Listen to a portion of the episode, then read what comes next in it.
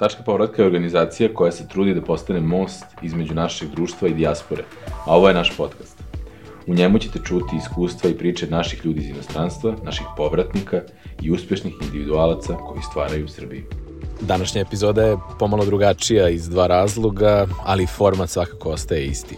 Prvi razlog je to što je danas u ulozi voditelja moj kolega Uroš Živković, koji je odradio fenomenalan posao razgovarajući sa našom gošćom. Drugi razlog je što su naši direktni partneri na ovom realizaciji ovog podcasta Srpska asocijacija menadžera i njihovi partneri Vlada Konfederacije Švajcarske. Oni su nam pomogli i u produkciji same epizode i u odabiru gošća. A današnji gost je Andreja Radonjić, ona je glavna savjetnica za medije i komunikaciju u kompaniji Rio Tinto. Predavač i mentor sa bogatom karijerom odnosima sa javnošću, ali i rukovodđenju javnim politikama i regulatornim poslovima u velikim korporativnim sistemima u Srbiji. Kao pravi cirkularni migrant, Andreja je živela, studirala i radila u Rusiji, Grčkoj i Francuskoj, putujući po svetu, ali je svoje parče sreće pronašla upravo u Beogradu, u kojem već više od 15 godina razvija profesionalnu karijeru. Uživajte u današnjoj epizodi sa Andrejom i Urošem, a ja sam uživao u njoj kao slušalac. Zdravo, Andreja, dobrodošla. Ove, mnogo nam je drago što si danas sa nama tu i što smo imali priliku da u da tačka povratka u saradnji sa Srpskom asocijacijom menadžera u okviru njihovog projekta sa vladom Švajcarske, gde oni zapravo rade o tome kako možemo da se borimo ove, putem cirkularne migracije sa odlivom mozgova, ove, što su nam preporučili da se to ovo ovaj razgovor. Mnogo smo srećni što si sa nama tu i strašno smo zapravo zahvalni samu što te predložio za ovaj podcast.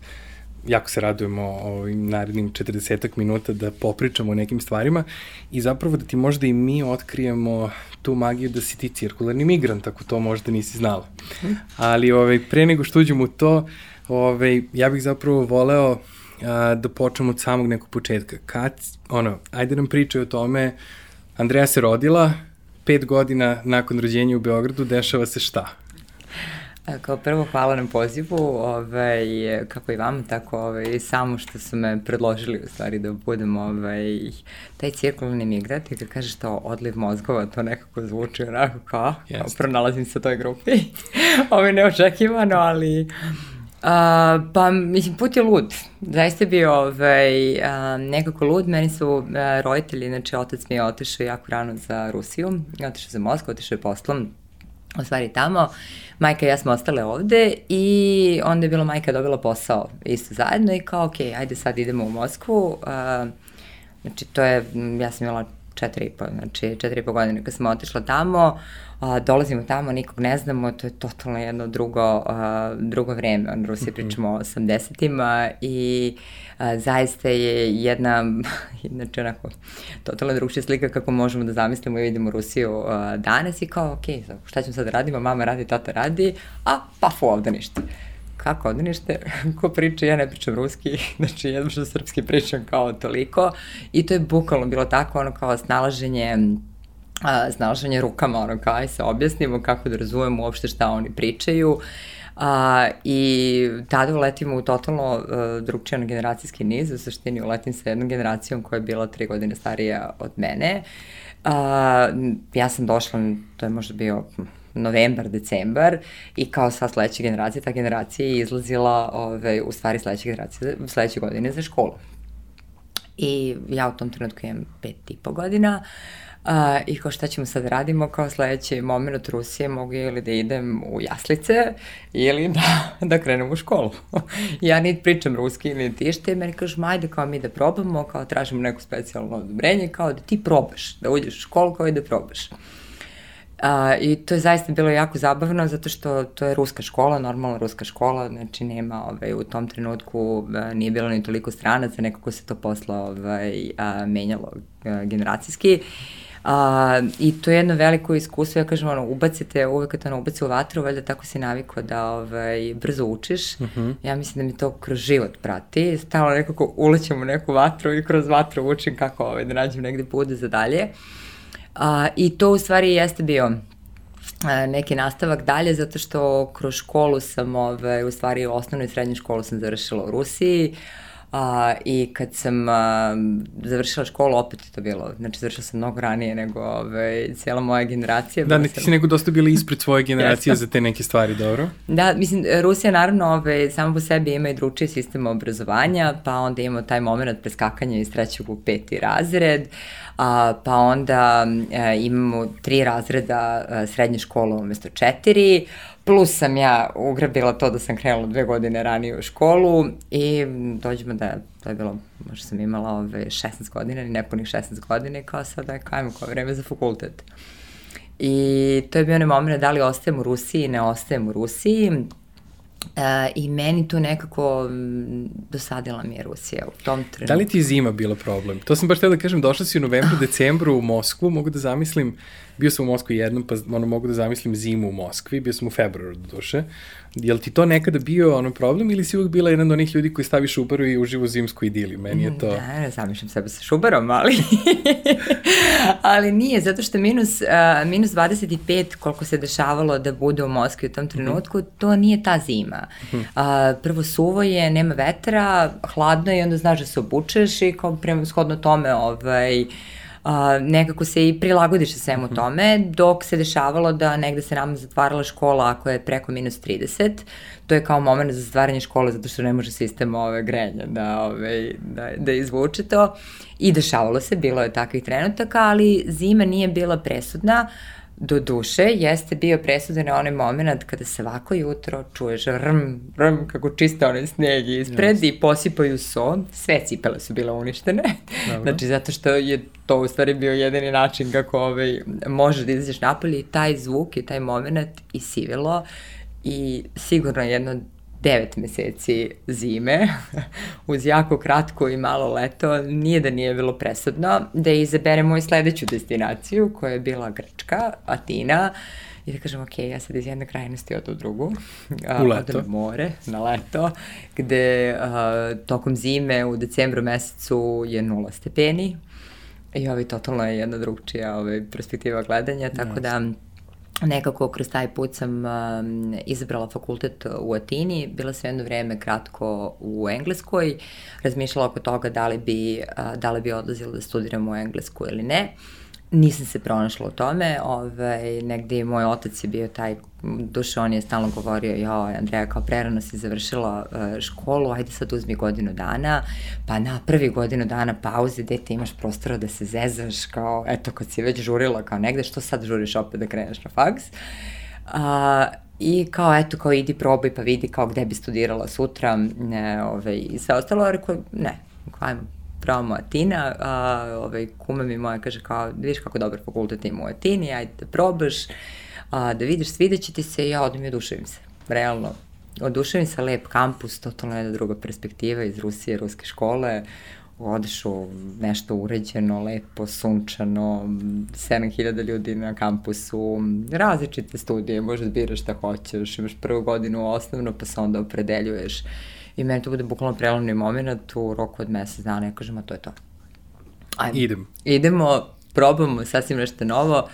Uh, I tada kad je bio moment kao odlučivanje oko toga gde ćemo sa stanom, kao kako da, ove, da pređemo, ja kažem, ma ne, samo mora i blizu mora, iako mi je fakultet bio dva i po sata od kuće. Tako Dobre. da, ipak je... ja te razumem, znači te, ta Moskva ipak ostavila neki utisak ostavila gde, si, gde si shvatila ako već imam more u gradu kome sam biću pored mora. Tako Dobre. je. Jasno. I to je bilo presudno. Uh, onda sam bila šest godina Uh, šest godina u Atini, tamo sam uh, bila na fakultetu, uh, znači osnovne studije, stvari, uh, i master, jer to je ono, sad po ovom novom sistemu to podrazumeva, s obzirom da je to četiri i po godine uh mhm. -huh ove, studiranja, krenula da radim na prvoj godini fakulteta, jer mi je fakultet ovaj, nekako malkice to ta razlika između sistema obrazovanja negde u inostranstvu u odnosu na sistem obrazovanja kod nas. Tamo je teorija, sve to super teorija, ali teorija mora da ide uz praksu. Yes. I bukvalno završiš fakultet i kao, to je to, kao, ajmo sad praktični rad.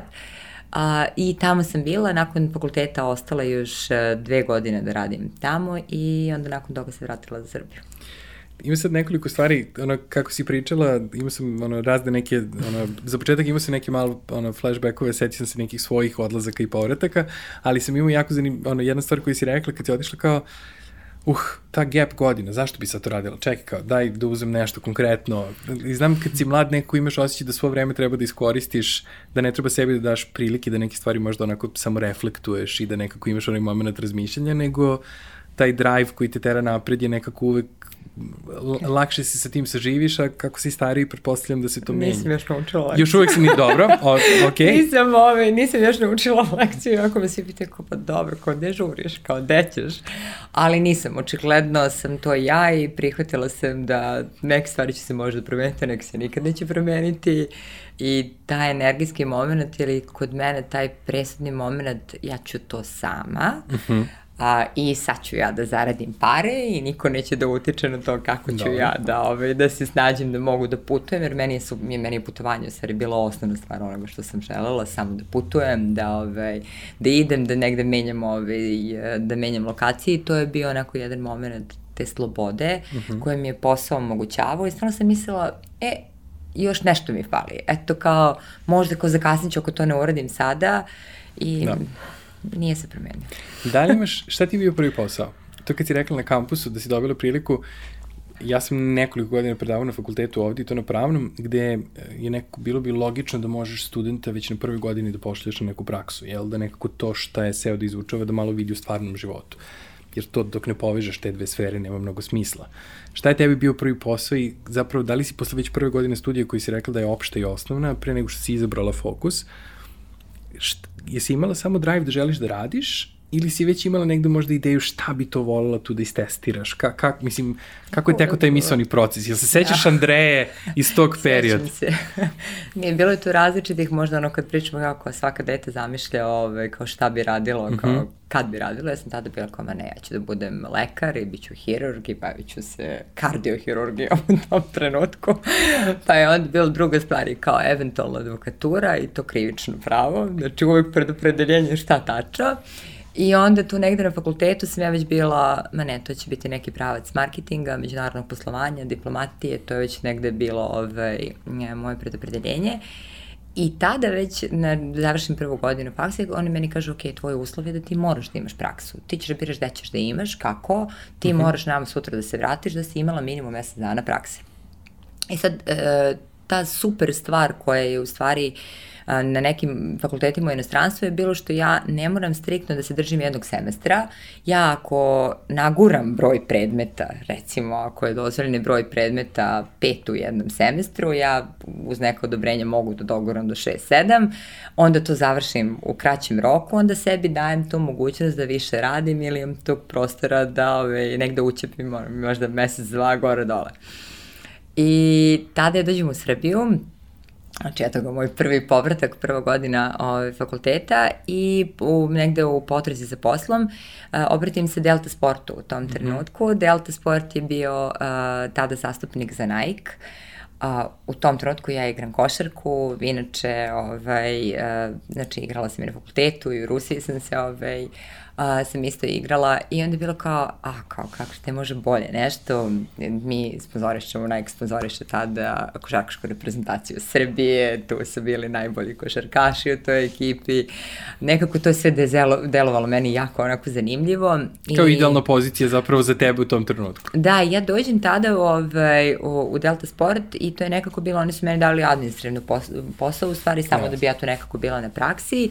Ja sam se nekako kroz vreme priklonila e, marketingu i bila ideja da ostanem mesec dana, ja sam ostala pet ili šest meseci i to se nekako onako, meni se baš dopalo, bila je super ekipa, e, ekipa ljudi koji ono, dan danas je negde još ostala u tom, ovaj, u tom poslu, a, ljudi s koji sam u tom trenutku mogla ovaj, zaista mnogo i da naučim i da shvatim kako, uh, kako, se, kako se uopšte posluje, kako se vodi neki posao, jer su oni mene vukli kroz bukvalno ceo sistem, od prodaje, maloprodaje, veleprodaje, poručivanje robe i zaista su mi dali mogućnost da svaki sektor kompanije uh, vidim, da shvatim kako funkcioniše i da uz ljude koji su u tom trenutku to radili nekako prođem ono, kroz sistem jedne u stvari firme ili organizacije. A, naravno, jedan od tadašnjih šokova je bio opet Delta je imala neke svoje, ajde da kažem, sisteme kao ono i poslovanje, onda ti prvi put se e, tu suočiš šta to znači poslovni kodeks, poslovni kodeks oblačenja, drugčijeg totalno jednog pristupa, hjerarhijskog pristupa. Znači, to je zaista onako bilo kao okej, okay, kao wow, kao ovako izgleda korporacija. Jasno. I e, nakon toga sam onda prosto shvatila se meni ovo mnogo dopalo, ali ja moram se vratim da studiram. Jedno pitanje samo pre nego što se, što se vratimo iz Delta za Tinu, uh, pre nego što ponovo sedneš mm. u avion i mi zajedno sa tobom, um, da li ti je jezik nekada bio izazov? Pitam ovo zato što ja nikada ne bih rekao da si toliki broj godina provela u inostranstvu, jer jezik zaista koristiš kao da si ovde i studirala i mislim, ok, dugi niz godina već radiš ovde, ali kao da li si nekada imala izazov sa jezikom kao jezikom koji nisi koristila u, u, osim sa roditeljima, pretpostavljam, naravno, u nekoj dnevnoj komunikaciji. Da li ti je to nekada, recimo, bio izazov, baš kad si došla posle studija? A, jeste. Nije samo to, mislim, kao prva stvar, moja majka je novinarka tako sam ja imala u kući torturu na svoj način. da ove, jezik nikada ne sme ove, da izostane u smislu toga da srpski je nama osnovni jezik, iako je meni, ja negde kažem, altene ruski bio prvi jezik i mhm. osnovni jezik, ali sam ja u Rusiji paralelno a, sa ruskom školom išla i u srpsku školu. Mhm. -huh. I onda sam imala taj moment, iako je srpska škola bila jednom do dva put nedeljno, uh, osnovni tu predmeti su bili srpski jezik i kultura izražavanja i istorija. I nekako e, onda si morao tu da pratiš i u smislu toga i da pišeš sastave, da čitaš naše knjige, dobili smo lektiru, um, dobili smo lektiru iz Srbije u tom trenutku i drugo, majka koja me kontinuirano terala da moram da čitam knjige na srpskom. Dobro. Iako je, sam ja zaljubljenik ruske literature. Mm Uh, I dan danas imam probleme, uh, a to su najčešće uh, problemi u pravopisu uh -huh. uh, i neke gramatičke stvari. Mene je sad sramota kad me čerka pita šta je ovo, samoglasnik, suglasnik uh, ja sam kao, uh, ček, ček, uh, moram da se vratim, uh -huh. zato što ja to nikada nisam prošla na srpskom i ja ne znam njoj da odgovorim na to pitanje, zato što je meni to nije bio osnovni jezik. Jasno i pravim te greči, znači greške u smislu čak i toga da sama sebi, uh, prvo sam kupila knjigu, mm -hmm. ona kao srpski jezik, kao ajmo kao pravopis na sve neke stvari, a druga stvar je dan danas ono proveravam i imam na kompjuteru sa strane šta odbojam od čega, ovaj, tako da Mislim, ja ne moram, vredi. ja moram da ti kažem i da ljudi koji su fakultetski obrazovani u Srbiji često prave greške, ovaj, tako da nije, mislim, s te strane sigurno nisi ništa propustila, ali mi je bilo zanimljivo zato što nama sa porodnicima sa kojima mi komuniciramo, posebno sa ljudima koji su cirkularni migranti, mm. znači da su išli, da su se vratili, da su zapravo prolazili taj tok nekoliko puta, često smo nilazili na situacije gde nam kažu da im je jezik, koliko god je on negde kulturološka veza, u smislu sa porodicom, sa predacima, sa bakom, dekom, sa ljudima koji su ovde, um, da u tom poslovnom smislu uh, je to jedan drugi vokabular koji zahteva to i neku funkcionalnu pismenost na nivou pisanja nekih mailova, korporativni da. način obraćanja i onda meni uvek to zapravo bilo zanimljivo um, kako ljudima kojima je srpski maternji jezik, ali im nije prvi, um, znaš, ono, kako te stvari funkcionalno vezu. Znači, imala si, imala si izazov. I dan danas, mislim, ja to zaista moram da, zaista moram da priznam da je dan danas ovaj, uh, sebe proveravam i ono kao da li se piše ovako ili se piše onako i pravim greške sramote me, zato što prosto je meni u mom poslu nedopustivo da ja napravim grešku, nekada u brzini kucanja kad ne obratim pažnju na nešto i tačno određene stvari na kojima imam bug i to ne vredi. A opet, s druge strane, ne volim da koristim uh, anglonizovane reči, više volim da ono, srpski jezik i srpski jezik Naravno. bogat je, i, ali ja kažem kroz čitanje i kroz ono ajde kažem, edukaciju na taj način, to je zaista nešto što može se prevaziđe i moramo, ja ma, malkice tu ponekad ne razumemo, ono kad kažemo srpski jezik, tebi je srpski jezik osnovan, moraš da radiš na njemu. Ako Absolut. želiš, ti moraš da radiš na njemu i da ne, ne dozvoliš da svoj materni jezik uh, nekako izgubiš ma gde bio i ma koliko bio. Jeste, on je, mislim, to je bitna poruka, ja bih rekao i za ljudi koji su u Srbiji, zato što mi često zaboravljamo na srpski kao nešto što mora da se neguje. Nego uzimamo zdravo za gotovo i nama se baš, mi smo pričali o tome na sastancima kada ako je deo komunikacije sa inostranstvom na engleskom jeziku, čita se jako mnogo na engleskom.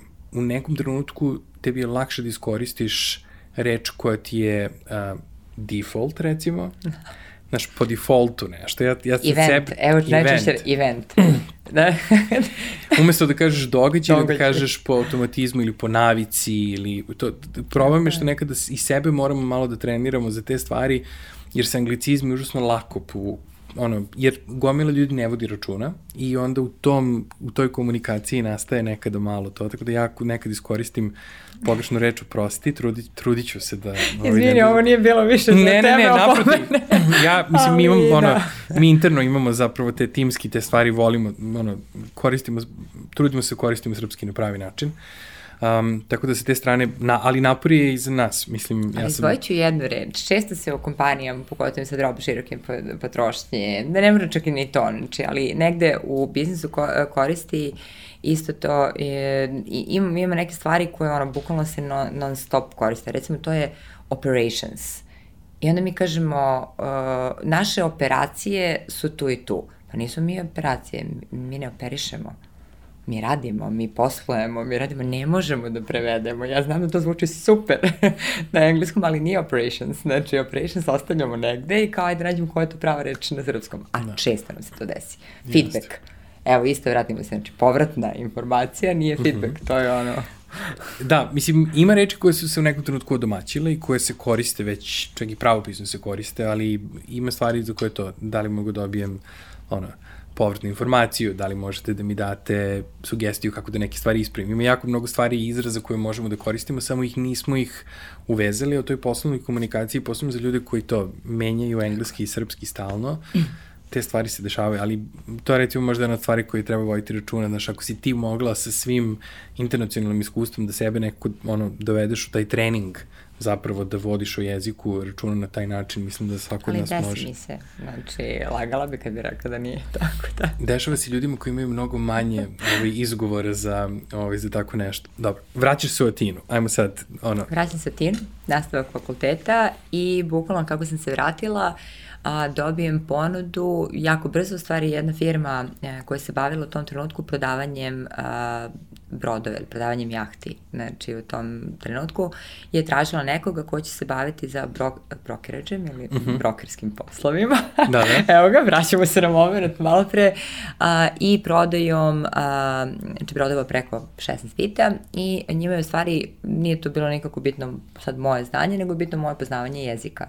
Jer njima je trebao dobar engleski i dobar ruski, zbog, znači naravno kupaca i Jasno. klijentela koja jeste. Uh, A, pritom ta firma bude baš u blizini moje kuće i ja kažem dobro, ja već na fakultetu u tom trenutku imam i pomorsko pravo, ulazim u taj moment logistike, um, logistike i nekako mi je zvučalo interesantno i kažem dobro, ako što ne bi probala, zato što to delo je onako wow, kad kažeš eto, kao šta radim, prodajem jahte. Da. u tom trenutku prva godina faksa, prvi posao. Uh, Uh, I onda sam ja u toj, mogla sam da kombinujem zato što sam nekako jurila uh, Ameriku, uh, Emirate, što se tiče vremena, bile su drugčije zone i onda sam sa fakultetom isto mogla da kombinujem kada sam setovala predavanja, da recimo idem prepodne na predavanje, onda radim, pa idem uveče na predavanje. Tako je bilo, bilo je malo i tih, ove, i tih momenta, ali mi je nekako um, to dalo onako kao prvo da uđem u Grčkoj u posao, mm -hmm. u mhm. grčku firmu, a, gde je bila samo jedna žena Amerikanka, da dan danas um, imam prijatelje iz te kompanije koji su mi ono zaista prijatelji za ceo život. Za ceo život i koji, s kojima ono, kad god bi otišla u Atinu, oni dođu ovde, ja odem, oni su išli da žive i živeli su u nekim drugim zemljama, uh, uh, van Grčke, zaista onako jedna super ekipa koja me uvela uh, sad van fakulteta, jer na fakultetu si nekako imao i Grke, i strance, i tu i tamo nekog našeg, a ovde su nekako sve bili Grci. I onda je to bilo, e, sad ćemo te naučimo šta znači buzukija. Mm -hmm. I onda se nekako infiltriraš, u stvari, meni jako puno pomogla i košarka s jedne strane, mm -hmm i s druge strane, uh, znači upravo taj posao da se infiltriram u njihovu kulturu, mhm. -huh. da se odmaknem od naših, da se odmaknem od stranaca i da upoznam Grčku na onaj pravi način. Šta to znači autentična Grčka? Šta to znači da sutra se, neki, sa nekom od svojih uh, devojaka s kojima sam igrala uh, košarku, da odemo kod nje uh, na Levkadu, na Krit, uh, da upoznam koja je razlika između Krićana i Atinjana, mm -hmm. uh, da posetimo ono, njihove, uh, oni to zovu slave ili imendane mm -hmm. i to je bilo super. To je zaista, ja, ono, svako, apsolutno jedna preporuka da ako bilo ko ono može da se infiltrira u one narode jeste i da pokuše da sve stereotipe koje ono postoje negde odbaci mm -hmm. i uđe zaista onako unutrašnje, mislim da je to prava stvar. I meni to mnogo značilo. Da, ja prepostavljam da pos, grčki isto govoriš.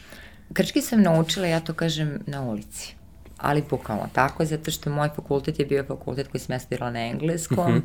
A, meni je fakultet uh, Maltene, ja, ja i dan danas često razmišljam na engleskom, zato što mi jednostavno to mi je ono prvo što mi padne i kroz yes. posao i, i ovako. Uh, Uh, I prvi jezik definitivno je postao ove, u zadnje vreme, a grečki se naučila tako što, recimo, dešavalo mi se da imam profesore koji nisu hteli da pričaju na engleskom ili su neke stvari ove, prebacivali ono, u toku predavanja, onda na košarci i onda to da ja sad sedim u grčkoj firmi i oni vi pričaju u grčki i ja ništa ne mogu da razumem, ja sam svako malo ali ja ništa ne razumem.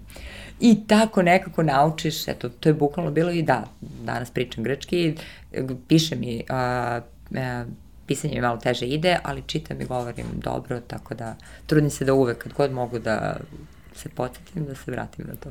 Ne, no, baš onako, zapravo impresivno kako te život vodio kroz različite faze u kojima si um, zapravo ne samo jezik, nego i lokalnu kulturu imala priliku da naučiš, jer to je negde um, ja svaki put kad sam odlazio na duže inostranstvo imao sam negde potrebu da shvatim kako neke lokalne stvari funkcionišu, a jezik je zapravo uvek najbolji način da se ono povežeš sa tom kulturom, isto kao i kad se vratiš ovde pa znaš jezik Tako nekako je. je mnogo drugačije nego kao kad dolaziš kao stranac koji ne govori jezik. I sa te strane pretpostavljam da je to bio jedan od onih, ono, to je neko pravo vezivno tkivo kada si na, na, na, na nekom prostoru duže vreme, da upoznaš i kulturu i narod i da shvatiš običaj i da možda, ono, možda se staviš u njihove cipele da razumeš kako lokalne stvari funkcioniš. Evo kažem samo, me, mene ništa nije blam. Ja nemam uh mhm. -huh. taj moment. I onda je bilo kao je pravim grešku, pravim grešku, šta da radim? Znači, trudim se i onda nekako mi se pokazalo da to da i oni vide da ti radiš, imaš neki napor, uh mhm. -huh. da se trudiš da ih razumeš, da se trudiš da odgovoriš u nekom trenutku i tako nekako e, se i oni otvaraju ka tebi. Uh mhm. -huh. Jer postoji jedna stvar i ja zaista verujem u to. E, svaki narod je na neki svoj način ksenofobičan. Uh mhm. -huh. I ti kad dođeš kao stranac, super je to. Neki su više otvoreni, neki su manje otvoreni, ali ti si stranac i ti si stranac u zemlji i treba ti mnogo, mnogo vremena da se ti inkorporiraš, da uđeš, da shvatiš i ako ti ne budeš izašao iz toga, e, ja sam ovo, ti nećeš stići nigde.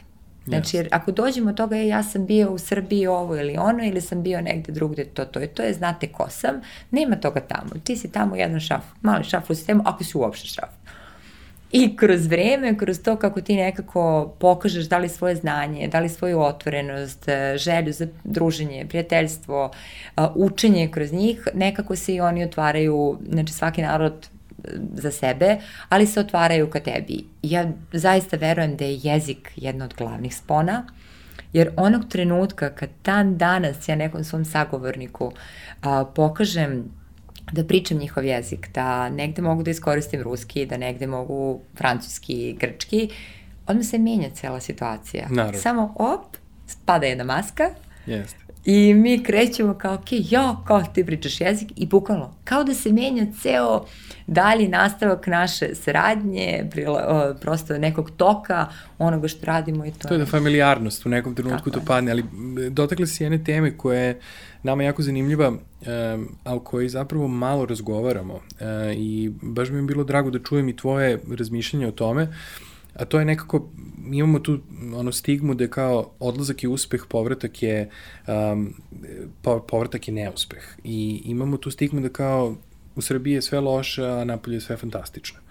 I mislim da tu postoji jedna dosta onako, ono, neusaglašenost između onoga što je realnost mm. e, i mislim da ljudi koji su proveli neko vreme u stranstvu znaju koja je težina zapravo da se ti negde osjećaš ne kao stranac, nego kao neko ko pripada tom okruženju i tom društvu Da li bi ti rekla da je taj moment integracije negde u inostranstvu mnogo teži kada, ni, kad si stranac, odnosno kada nisi lokalac i obrnuto? Da li ti je možda bilo Jeste. lakše kad si se vratila? Pa i to je, i to je pitanje. Ima jedna stvar, ja stvarno kažem, često kažem, ja pa kao, ja sam kao čovjek dijaspore, kao, tako je kako je, kao, uh -huh. to je jednostavno činjenica u smislu toga da Uh, ja sam uvek želela negde vukla me Srbija. Uh -huh. U tom smislu da čak i kad sam živela u Moskvi, ja bi svaki svoj raspust uh, došla uh -huh. ovde i nekako meni su prijatelji koji su bili ovde i sve mi je nešto bilo bolje. Uh, I onda kad sam otišla i u Atinu, opet um, imala sam puno mogućnosti da putujem, već sam krenula da radim. Nekako su se stvari same od sebe otvarale uh -huh. i to je divno, zato što ja verujem da kroz putovanja mi učimo, ono, učimo kulturu, učimo različitosti, otvaramo svoje vidike. Yes. I ona stvar koja je mene inostranstvo definitivno pružilo i to, to je otvorenost ka nekim stvarima. Znači, sad mm -hmm. da mhm. kažem da nema, za mene sve okej. Okay. Mislim, realno sve okej. Okay. I mm. negde nema i da smo različiti, i da ne razumemo iste stvari, i da ćemo vremenom doći, ali taj moment kao, e, nešto ne može, Sve može, samo je pitanje da li hoćeš ili nećeš. Jasno. I, to I koji nekako, put biraš, da li biraš teži ili lakši? Da li, ok, jer treba da, da nekako se otvorimo ka tome da shvatimo, e to onda shvatiš da kad si u inostranstvu i kad upravo to skineš svu masku, nekako hmm. si uh, zaista, ti niko si, ti moraš da izgradiš sebe. Mm -hmm. I da pokažeš i ko si, šta si i da počneš iz početka. Uh, i da shvatiš da zaista nije, niti je sramota raditi jedan i drugi i treći posao, da ćeš kroz to nekako ući ovaj, u ceo taj tok i zato kažem, mnogo je teško, teško je iz aspekta što počinješ iz početka, što jako često kada odlaziš a, na moment studija, fakulteta, kad odeš na studije to je super jer ti fakultet da bar neke ljude Tačno. sa kojima ćeš da se upoznaš i kroz vreme da kreneš da radiš, a kad ideš da radiš, ti imaš kolege, a mi često ja kažem da li je kolegijalno okruženje nužno okruženje u kome ću da se družim, nije, jer smo već izgrađene ličnosti, znači Jasne. već smo odrasli ljudi, znamo šta hoćemo, šta nećemo, ko nam se sviđa, ko nam se ne sviđa i nekako je drugačija drugčije, skala prioriteta. Da, apsolutno je, su drugčiji prioriteti i negde biramo one koji su nam bliži interesnoj sferi u kojoj smo.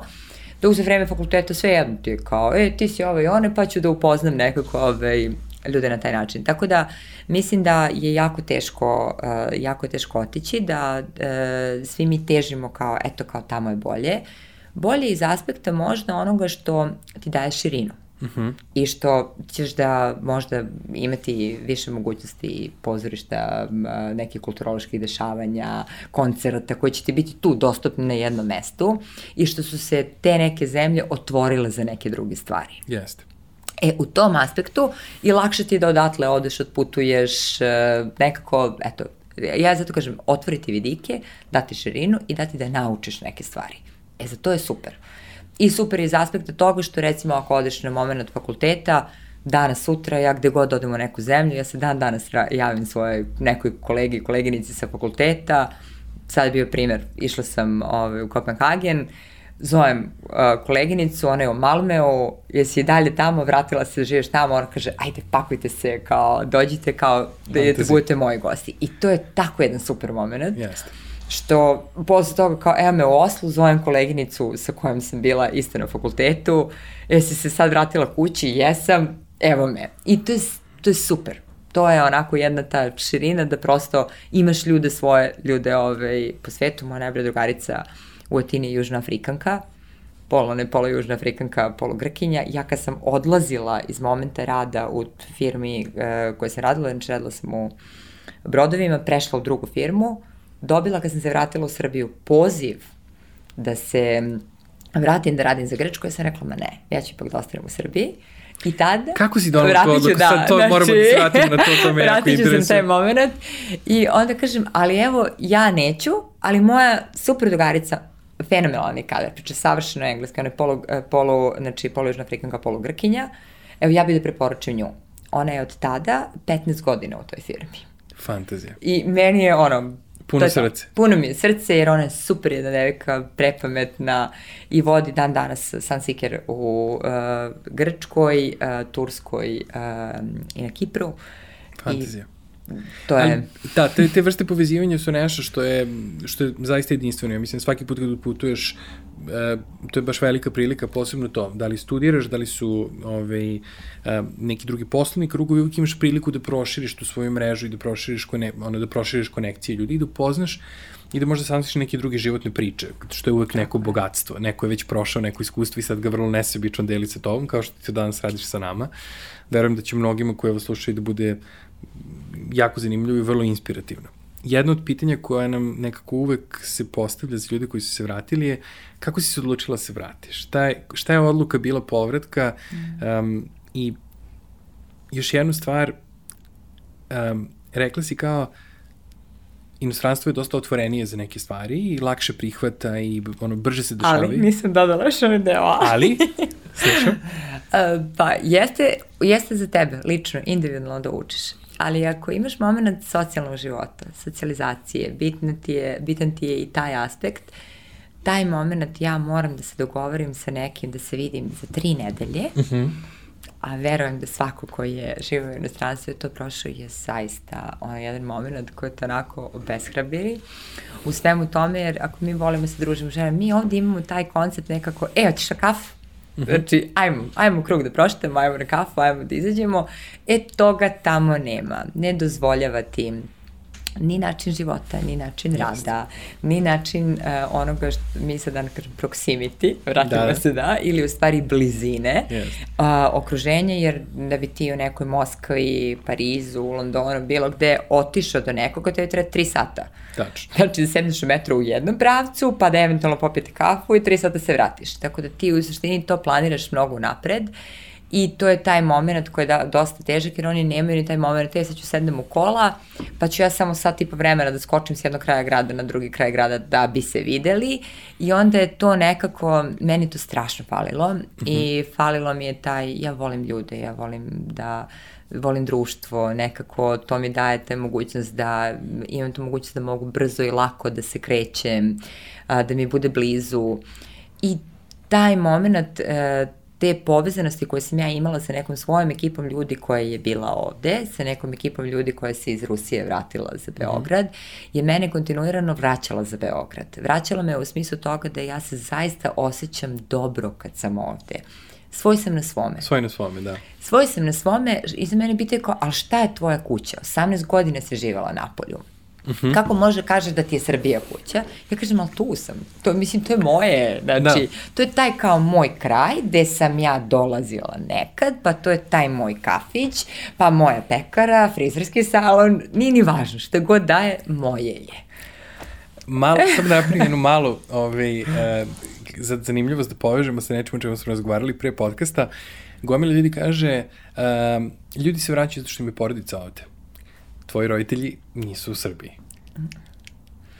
Da, ja, ja nisam imala ni taj moment. Uh, I dan danas moji roditelji, uh, moji roditelji su u Tini.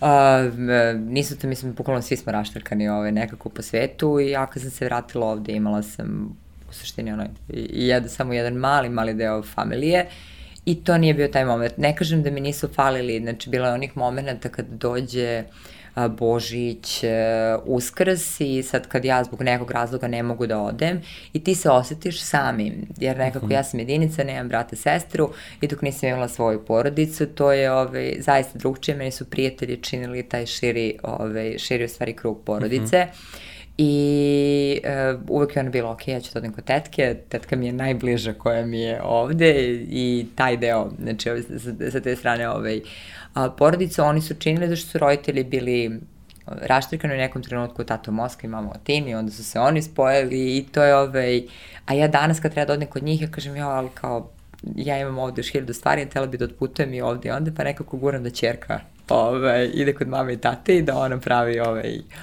nekih svoj... Da ona bude ono, ambasador. Da, da ona bude ambasador. ambasador.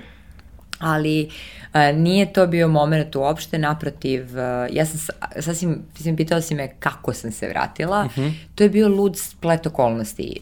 U tom trenutku ja sam, greškom su mi izdali, greškom su mi izdali umesto poslovne vize, su mi izdali turističku vizu gre, bukvalno je bila napravljena greška u pasošu. Ja sam došla da izvodim svoje papire za rad, prestala sam da studiram, završile su se master studije, ja više nisam mogla da produžim svoju studentsku vizu, da radim paralelno i da studiram i morala sam da idem i oni kao na osnovu toga meni izdaju stare papire, redko se to dešava, ja, ja stvarno ne znam šta je bio taj moment i meni kaže, ok, ti sad ne možeš da se vratiš i da ideš da radiš.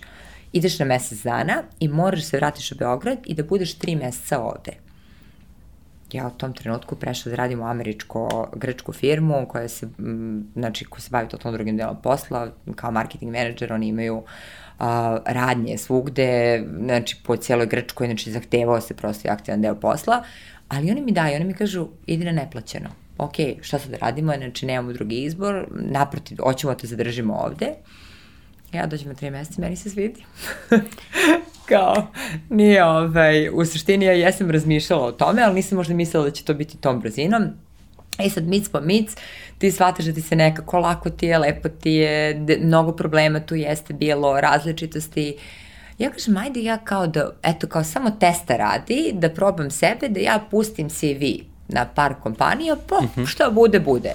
Ne znam nikoga. Moji roditelji žive 20 godina. 2005. godine, je li tako? 2004. to je bilo. Dešava se 2004. Završila se olimpijada u Atini. Ove, tad su svi ljudi ono koji išli u Atinu, nekako to se završi, ja se vraćam u tom trenutku ovde. Znači, moji roditelji od 87. 86. ne žive uopšte u Srbiji. Znači, nemam nikakvu vezu s poslovnim svetom. Kaže ono, kako kaže ljudi, ja, ako mora da imaš vezu. Ja sam imala nikakvu vezu. Nula. Niti ja znam nikoga, niti mene niko zna, niti, ove, niti ja imam tu vezu momenta roditelja uh, i svega ostalog. Ja kažem, ja pro, pošaljem, ovaj, uh, pošaljem CV i da probam. A, poslala sam CV, meni se javilo pet kompanija u roku od a, 10 dana i sa znači, momentom da čak jedna kompanija je bila, evo, možda biraš u koju sferu hoćeš, hoćeš u modu, hoćeš da radiš kao, tu kao taj deo marketinga, hoćeš da, da ideš u uh, real estate, znači bukvalno. I ja kažem, ja ne vrem što se meni dešava. Šta je ovo? Znači, i sad ja krećem kao da idem na intervju, jedno, drugo, treće, još se to dešava ono 30. decembar, već pred novu godinu.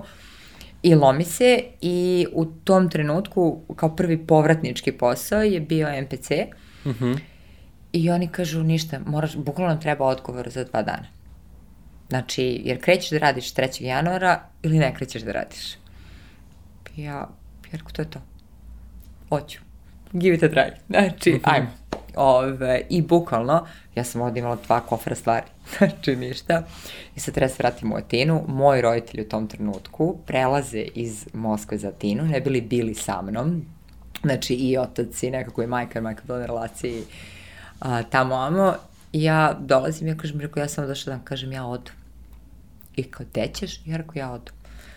Idem za Beograd, pa kao te ćeš živiš, kao kako ćeš, otac ljut, kao ti, kad te ćeš sada, kao taman, kao si počela da radiš, to je bilo onako negodovanje neko, uh -huh. ono, e, indirektno, i ja kažem, ja odu, ja sam rešila i to je to.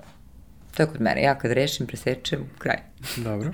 pa šta bude, bude. I onda izguraš, naravno. Izgurala sam. pa da, zatim, da, da, jasno. Izgurala sam, a, menjalo se, mnogo stvari se menjalo, menjale su se firme, menjali su se poslovi, menjali su se, menjali su se iskustva, veliki kulturološki šok. Ove, dolazimo na jedan moment da ti iz jednog u tom trenutku uređenog poprilično načina i života i rada i sistemskih drugih stvari ulaziš u totalno jedan drugi tok gde kod nas je to bilo, a, te, marketing, pa sad kao marketing imaš, ne. To je kako se u Srbiji zamišlja marketing uh -huh. u mhm. tom trenutku i drugčije i ovde sve nešto bilo kao si se rekao, pa evo kao ja imam vezu pa ću s ovim da završim ovo. Ja sam bilo ali ja nemam ni vezu, niti znam, niti kako, niti imam polađenu iza sebe, znači ništa. ja sad mogu... Dobro, imaš sebe, imaš svoje znanje i imaš volju. Što Tako je, je, što je zapravo negde možda i često dovoljno. Uh, ljudi, nek, ljudi, možda, ljudi misle da je možda povratak uvek vezan sa tim da imaš neku vezu, da imaš neku... Dodala bi upornost i strpljenje. Upornost i strpljenje. Ozbiljno strpljenje. I Ali- vera da možeš. Da. Ali Znači, ja, veruj. Ono, to je to. ali ja isto tako imam osjećaj da i kad iz Srbije odlučiš da odeš, to ti sve treba, pa možda još, još jedan ceo, ono, Tako je. još jedan ceo stepenik koji treba da prevaziđeš, a koji je nekada jako težak. I pitanje koje mi sad recimo jako često dobijamo od ljudi koji razmišljaju o povratku. Mladih ljudi koji su studirali u Americi, završili doktorate, rade na nekim super pozicijama, ali ih vuče Srbije. Žele da se vrate ovde, biti šta su prilike.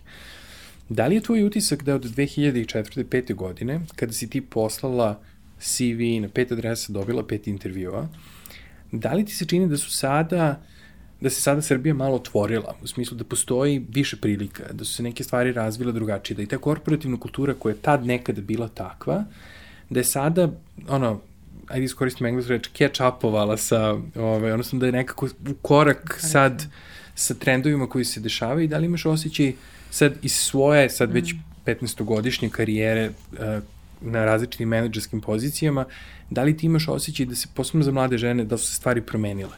Šta ti je utisak? Pa mnogo su se promenile, uh, mnogo su se promenile, ja bih rekla sad, ceo karnijer rekao, znači ja malo te radim preko 20 godina, znači što, uh, što u Srbiji, što van Srbije i mnogo, naravno, to je sasvim normalno. Znači, i mi smo se otvorili, mi smo se promenili i recimo ja bih čak rekla da se naš sistem obrazovanja promenio, uh -huh. zato što u tom trenutku uh, ono što je za mene bila otežavajuća okolnost, ja sam došla sve sa stranim školama, od osnovne škole do fakulteta. I došla sam i meni su rekli, šta ti je ovo? Ja kao, pa kako šta mi je? Rekao, završila sam fakultet i to je, oni kaže, ti imaš osnovnu školu za nas. I to je taj moment ko ne možeš, ne možeš da prijeviš u knjižicu. Šta je, kakva knjižica, kakva rata knjižica, gde postoji, šta je to uopšte? Jasno. I znaš, ono, hiljadu jedno pitanje i ja sam tada morala da nostrifikujem svoje diplome i da idem totalno neekvivalent mom fakultetu koji sam završila, nego da idem na privatne fakultete da bi mogla da dobijem bilo kakvu diplomu, Jasno. da se ja vodim kao sedmi stepen. Danas u Srbiji, ja mislim da to uopšte nije do tog momenta, da li smo 7.1, 7.2, 7.3, znači kako već postoji, mm -hmm. mislim da to ovaj, nije važno i ako postoji sistemski, mislim da je to jedan moment na kome ozbiljno moramo da radimo. Ove godine su stvari promenile, baš sam teo da kažem, nostrifikacija je bila zapravo do prošle godine ozbiljan problem. Agencija za kvalifikacije sada, ako, si, ako je fakultet na jednoj od prvih 500 mesta na Timesovoj, Šangaskoj ili US News listi, za 8 dana se radi nostrifikacija radi zaposlenja. I radi se online. Ali vidi koliko nam je godina trebalo. Sla, apsolutno. I znaš koliko je nama, znaš koliko je inputa, koliko smo mi fantastičnih ljudi morali da dovedemo i da ih provučemo kroz taj užasno komplikovani sistem, ali istovremeno to je jedini način da se ide napred. Um, ono, ono što je tačka povratka negde od starta imala kao ideju, ja mislim da je to ono što je nama zapravo bila i fantastična poveznica sa Srpskom asocijacijom menadžera i za projekat na kome oni sad rade sa švajcarskom vladom je bio upravo taj moment da mi hoćemo da ispromovišemo cirkularnu migraciju. To znači tebi treba bude lako da se vratiš, treba da bude lako i da odeš. I da shvatiš da sa Srbijom mogu da se prave različite konekcije i različite veze. Tebi će se možda za pet godina od sada neko će otići u Atinu, uh, stupit će u kontakt sa nekim koga ti poznaješ, bit će zainteresovan da sarađuje sa ne, ovde, te veze će se sve lakše uspostavljati i ideja je zapravo da negde objasnimo da ne postoji stigma ni oko odlaska ni oko povratka, da je to sve jedno potpuno normalna stvar i da je deo nekog životnog toka. Mislim, ti si nam nekako sad ono, sad si nam baš onako sad u fokusu razgovaramo, ali baš razmišljamo o tom tvom životnom putu i karijernom putu. Um, I mislim da je jako zanimljivo možda ono, za sve one koji će nas slušati, a posebno možda za neke mlađe ljude, da shvate da ono, inspiracija je nekada spakuješ dve torbe i... Sve je moguće. Sve je moguće. Znači, ja, ja zaista veram da je sve moguće i možda u tom trenutku kad sam se vratila to a, nije tako delovalo, ali ja sam već 2006. počela, znači od momenta povratka da radim e, za General Motors, znači u stvari 2007. u tom trenutku ono vodeća se i dan danas svetska firma u automobilskoj industriji, to je jedan karijerni put za mene bio i vodila sam, krenula sam da vodim sedam zemalja, znači u suštini da budem zadužena za taj deo Adrije i to je jedna velika prosto prilika koja mi se pružila. Mm -hmm. A, a onda sad idići dalje kroz korporacije, evo danas, znači, moj prethodni poslodavac, ovo ja sam radila u Coca-Coli, o Cola Heleniku, gde prosto vidiš da u tom sistemu a, toliko ljudi Srba je odlazilo i dolazilo mm -hmm. i da su da smo imali ono u nekom trenutku ekspanziju desetora ova, ljudi iz Srbije ode napolje na 3, 4, 5, 10 godina pa se vrate i znači više ne postoji taj ono kao graničnik e zato što sam iz Srbije ja sam lošiji. Ne, nisi lošiji. Znači, možeš i kroz firmu, i kroz korporaciju, a, i kroz znači, neke druge ove zemlje, apsolutno možeš da napreduješ i da ideš. I meni su se pružile prilike, ja sam mogla i u General Motorsu da idem u neke druge ruske govorne zemlje. To sam je bilo ne, meni je lepo ovde šta ću ja sad da idem? Znači, ne, vratila sam se, ako baš treba, daleko od toga, ja ne kažem, ja ne znam da ću 10 danas, 10 sutra. Evo, ja danas gledajući, ja mislim, i to je ono što sam ti rekla i pre ove naše podcasta, da nikada ne bi napravila karijeru kako sam napravila da sam bila negde napolju. Napolju ja sam stranac. Ja sam bila tamo, radila i vratila se da gradim svoju karijeru u Srbiji. I danas, iz te perspektive, apsolutno mogu da kažem da je meni omogućeno bilo, jer ja sam pokupila znanje, pokupila širinu, otvorenost ka nekim stvarima, to, tu, taj moment da imam na fakultetu priliku da imam i praksu, i teoriju, mm -hmm. što se danas jako promenilo kod nas na fakultetima, jer mi smo bili puka teorija, dok smo danas totalno otišli u moment prakse. A, I da to pokušavam čak kad imam i neka gostića predavanja, isto koji ti je obožavam to da radim, to je uvek kažem studentima, idite, tražite, pitajte, radite, vucite, sve može. Da, nemojte se stidite. Mi imamo, da. stid je nekako, ono, kod nas u mentalitetu jedna od tih stvari koja nas često blokira. Um, I često nam zapravo daje taj moment da kao, ja, ako ne znaš, ne treba da pitaš. I meni je, ja dok sam radio na fakultetu, ja sam uvijek studentima, ako nešto ne znam, ja ću vam reći vrlo iskreno da ne znam, pa ću proveriti okay. sa profesorom, sa nekim ko zna više i na sledećem času ćemo o tome da razgovaramo. I to je sa studentima ono, znaš kao padne maska, studenti su to osetili kao jedan, ono, jedan, jedan moment gde su oni sad zapravo, aha, i ovaj čovjek koji nama nešto predaje može da se desi da ne zna odgovor na neko dobro pitanje.